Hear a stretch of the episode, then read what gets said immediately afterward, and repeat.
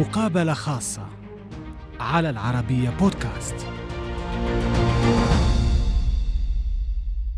قبل أقل من أسبوعين كنا في ضيافتها وكانت ضيفتنا المميزة صوت الإنسانية وسط أزير الرصاص وهدير المدافع. نستقبلها اليوم ثانية لأنها أولا ضيفة منطقتنا. نسألها عن زيارتها وعن أهدافها ونتائجها. وثانيا لأنها من أرض تتطور أوضاعها كل يوم وتتلاحق فيها الاستحقاقات على مدار الساعة. وثالثا نستقبلها لأنها تحمل صوت معاناة بشر وأطفال ونساء في سعيهم لسلام دائم. نستقبلها مرة ثانية لأن لديها ما تقول كل ثانية. إنها الأوكرانية الأولى السيدة أولينا زيلينسكا. أهلا وسهلا بك باستديوهات العربية. يعني أولا اسمحي لي أن أشكرك على وجودك معنا داخل استديوهات العربية وأن تختاري هذا الاستوديو بالذات للحديث عن زيارتك إلى الشرق الأوسط. سأبدأ من هذه الزيارة. ما هي يعني اليوم؟ لماذا أوكرانيا موجودة بالشرق الأوسط؟ ما الرسالة الأساسية التي حملتها السيدة الأولى إلى الشرق الأوسط؟ أشكرك على هذا السؤال. إن منطقة الشرق الأوسط مهمة جدا بالنسبة لأوكرانيا. نجد هنا الشركاء الذين نثق بهم. نأمل في تلقي دعم هذه المنطقة لتجاوز الأزمة الإنسانية والاقتصادية في أوكرانيا والتي نشأت بسبب الغزو الروسي الشامل. كانت لدي سلسلة مقابلات ممتازة خلال هذه الأيام. أمس الأول التقيت الرئيس الإماراتي الذي استقبلنا بحرارة وتم التوصل معه إلى اتفاقية مهمة بالنسبة لي حيث تعهد بدعم بناء عشر دور للأيتام في أوكرانيا. إنه شكل خاص للعناية بالأطفال وبالأسر التي تتبنى بين خمسة وعشرة أطفال أيتام لتربيتهم. إنه أمل كبير بالنسبة لي وتأمل مؤسسة أولينا زيلنسكا الخيرية في استمرار هذا التعاون. لدينا أمل كبير ونتوقع انضمام الدول العربية الأخرى إلى التحالف من أجل دعم أوكرانيا. إننا متأكدون من تحقيق هذا الهدف في المستقبل. قبل أن أسأل عن الموقف موقف الدول العربية وكيف يعني ستجندون هذا الدعم بالمرحلة المقبلة. مقابل الدعم الذي تحدثت عنه كان الدعم الأكبر الأسبوع الماضي من المملكة العربية السعودية مع زيارة وزير الخارجية إلى هناك. عن نتحدث عن منح وعن هبات ب 400 مليون دولار. كيف تثمنون هذا الدعم اليوم لأوكرانيا؟ نعتقد أن هذه الخطوة مهمة جدا. من جانب العالم العربي حيال أوكرانيا. أنا متأكدة ولدي ملء الثقة أن هذا الدعم سيصل. نعم أنت اليوم بالشرق الأوسط بي يعني اليوم تتلقون منح من دول أظهرت توازن بالموقف من الحرب الروسية الأوكرانية عبر الدعوة للسلام كحل نهائي وأساسي لهذه الحرب هل يعني تثمنون هذه الدعوة وكيف تلاقون دعوة السلام العربية؟ Хочу нагадати, що 23 أود أن أذكر أنه في الثالث والعشرين من فبراير من هذه السنة تبنت الجمعية العمومية للأمم المتحدة قرارا يستند إلى عشر خطوات اقترحها الرئيس الأوكراني وهو ما عرف بصيغة السلام 141 دولة أي غالبية الدول صوتت لصالح خطة الرئيس الأوكراني أعتقد أن جميع خطط وإجراءات السلام المستقبلية يجب يجب أن تعتمد على هذا القرار قبل أي شيء آخر. إنها وثيقة تم إقرارها على مستوى العالم والتي يمكن استخدامها.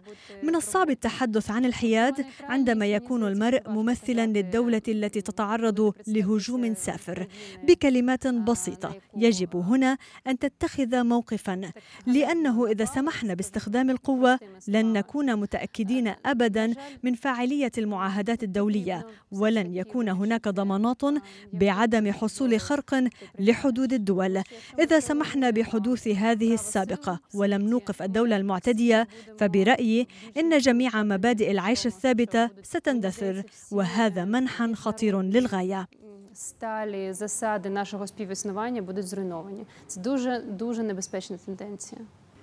خصوصا أنك تحدثت أن الحرب على أوكرانيا اليوم ليست حرب فقط على الأراضي الأوكرانية إنما حرب على النظام العالمي وعلى مبادئ آه، آه، الجوار والتعاطي إن كان دبلوماسي وسياسي بين الدول. آه، دول المنطقة يعني بغرار الدعم المالي هناك أيضا دعم بموضوع تبادل الأسرى وإيجاد قنوات مفتوحة بين أوكرانيا وروسيا. هل يعني هذا الدور سيتطور بالمرحلة المقبلة؟ يجب أن يستمر لأن الأسرى موجودون وإذا لم تتم إعادتهم إلى منازلهم لن تنتهي هذه الحرب. بالنسبة لأوكرانيا فإن نهاية الحرب ليست فقط وقف إطلاق النار على جبهة القتال وإنما يجب أن يترافق ذلك مع إعادة جميع أسرانا وأطفالنا الذين تمت سرقتهم ونقلهم إلى الاتحاد الروسي. لدينا آلاف الأطفال الذين تم نقلهم إلى الاتحاد الروسي في شكل غير شرعي. شرعي وإذا لم يتم اتخاذ هذه الخطوات فلن نشعر بأن الحرب انتهت.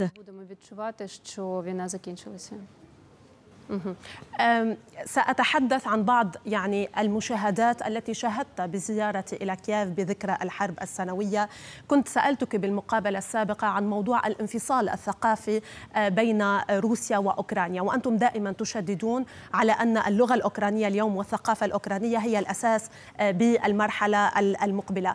ما لاحظت أن الناس الأوكرانيين العاديين الموجودين بالشارع يحاولون جاهدين الحديث بالأوكرانية بدل الروسية. الروسية مع العلم أنهم لا يجيدونها بشكل جيد ماذا يعني ذلك؟ تعرفين من الصعب التحدث بلغة الناس الذين جاءوا لقتلك. إنه انتقال بسيط جدا. من الصعب الاستماع إلى هذه اللغة وأنت لا ترغبين في استخدامها. بغض النظر عن أن جميعنا نتقن اللغة الروسية وبشكل ممتاز. ولكن لا نستخدمها لأنها ليست لغة صداقة بالنسبة إلينا. لقد أصبحت الآن لغة حرب. نعم. أيضا ما لمست من الناس يعني ما يعلمه الرأي العام العالمي أن هذه الحرب هي حرب الإدارة حرب آه، يعني الرئيس والإدارة الأوكرانية. ولكن ما لمست على الأرض أن هي حرب الشعب أيضا. الشعب يريد أن يكمل هذه الحرب ولا يريد أن يتنازل لأنه برأيه التنازل يعني أن أوكرانيا ستنتهي. لماذا هذا الإصرار؟ أعتقد أن الأوكرانيين يدافعون الآن عن وطنهم في شكل صريح ووطني لأن هذه الحرب هي حرب استعمارية جديدة وسافرة. نلنا استقلالنا ليس قبل عامين أو ثلاثة أعوام فقط إنما قبل ثلاثين عاما. وكنا نرغب في أن نبقى مستقلين لمئات السنوات. لا يمكننا أن نستسلم الآن. في الأيام الأولى من الحرب كانت المشاعر الأساسية لدى الأوكرانيين الغضب وليس الخوف. نعم. تحدثت عن معاناة المرأة الأوكرانية عن الجرائم أتحدث جرائم الحرب التي ترتكب ضد المرأة ضد الأطفال وضد الرجال بأوكرانيا. من المعلوم بالقانون الدولي أن جرائم الاغتصاب هي نوع من جرائم الإبادة. كيف يعني ستقومون بفتح ملفات بالمحاكم الدولية؟ وإلى أي مدى يعني هي موجودة بشكل كبير داخل أوكرانيا؟ هناك الكثير من العمل حاليا على هذا الموضوع المؤلم جدا. تم عقد المؤتمر الدولي الكبير. متحدون من أجل العدالة في مدينة ليفيف وتمت مناقشة جميع أنواع جرائم الحرب خلاله وبخاصة جرائم العنف الجنسي ضد النساء وليس ضد النساء في أوكرانيا فقط. أنشأت أوكرانيا التحالف الدولي لمنع حدوث مثل هذه الجرائم في المستقبل ولتقديم المجرمين إلى العدالة. نطالب بإنشاء المحكمة الدولية لمعاقبة المسؤولين عن جريمة العدوان ونطالب بتوسيع صلاحيات المحكمة الجنائية الدولية لتكون قادرة على تقديم المجرمين والمغتصبين إلى العدالة. سجلت النيابة العامة الأوكرانية حتى الآن 171 جريمة اغتصاب. معظم الجرائم متعلقة بالنساء و39 جريمة متعلقة بالرجال وتم اغتصاب أكثر من عشرة أطفال. أريد أن أشدد على أن جزءا صغيرا جدا من جرائم الاغتصاب تم الإعلان عنه. لأن معظم الضحايا لا يزالون صامتين فهذه الجريمة تحمل وصمة عار ويخجل الناس من التحدث عنها. من الصعب عليهم التحدث مع ضباط الشرطة ووسائل الإعلام عن الموضوع. لذلك نحترم الناس الذين وجدوا القوة والشجاعة الكافية للإفصاح عما حدث معهم. ولكن قبل كل شيء علينا توفير الأمن لهم. فقط إذا شعروا بالأمن فسيتحدثون. відчують безпеку, вони будуть говорити. ما زلت أملك التطبيق آه، الذي ينذر بالهجوم الجوي والغارات الجوية على أوكرانيا منذ أن منذ زيارتي الأخيرة بالأمس لم يهدأ ما الذي حصل ولماذا عادت روسيا إلى الهجمات على مستوى ونطاق واسع Сьогодні вночі повітряна тривога була بدأ الإنذار الجوي في الساعة الثالثة فجرا واستمر حتى الساعة التاسعة صباحا تقريبا في جميع أنحاء أوكرانيا.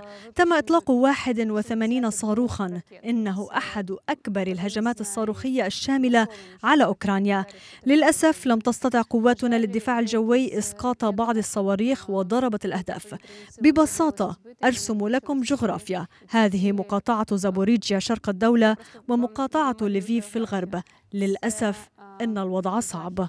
тому на жаль, ситуація дуже складна.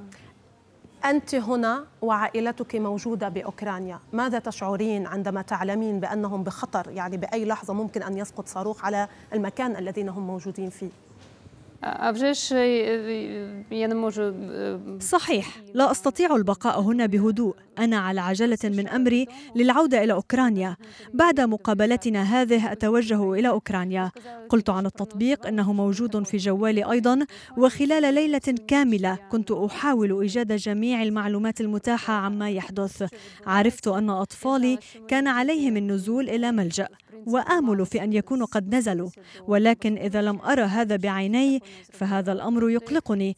إنه يوم صعب للجميع. اعرف انه قد سقط ضحايا بين المدنيين نتيجه الهجوم وتم تدمير عدد من المباني من جديد انه يوم ماساوي اخر بالنسبه الينا зруйновані будинки знову.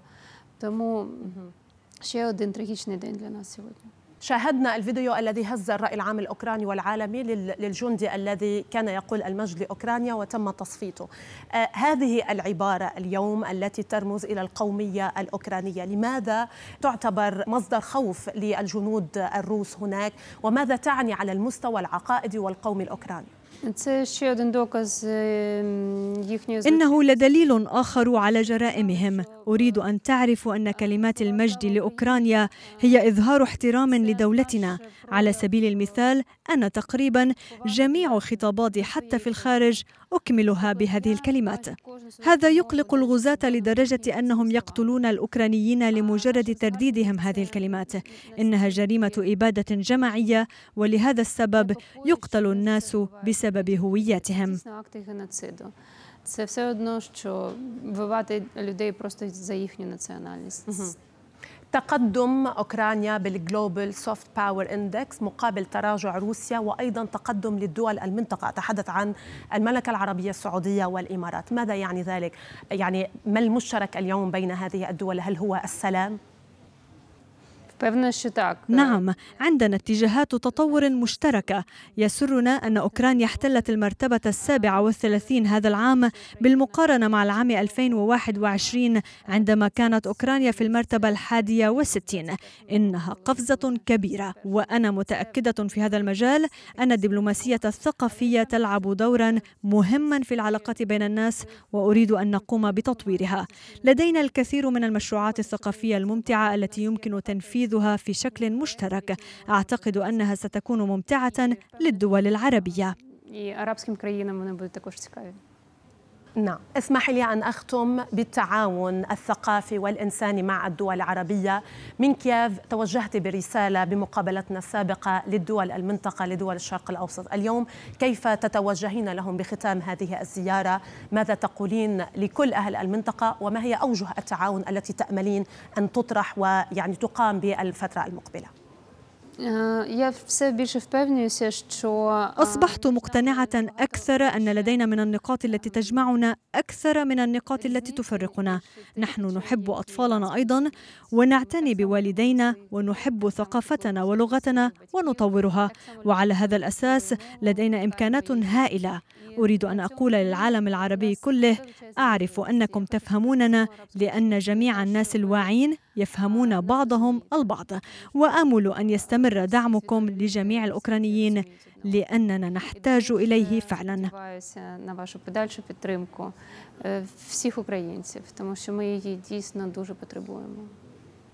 شكرا لك السيدة الأولى لأوكرانيا أولينا زيلينسكا على وجودك معنا واسمحي لي أن أتشكرك على المقابلة الثانية بأقل من عشرين يوم. شكرا جزيلا وشكرا على وجودك في قناة العربية. شكرا. إلى هنا آتي إلى ختام هذه المقابلة الخاصة التي خصتنا بها سيدة أوكرانيا الأولى أولينا زيلينسكا. شكرا لحسن المتابعة وإلى اللقاء.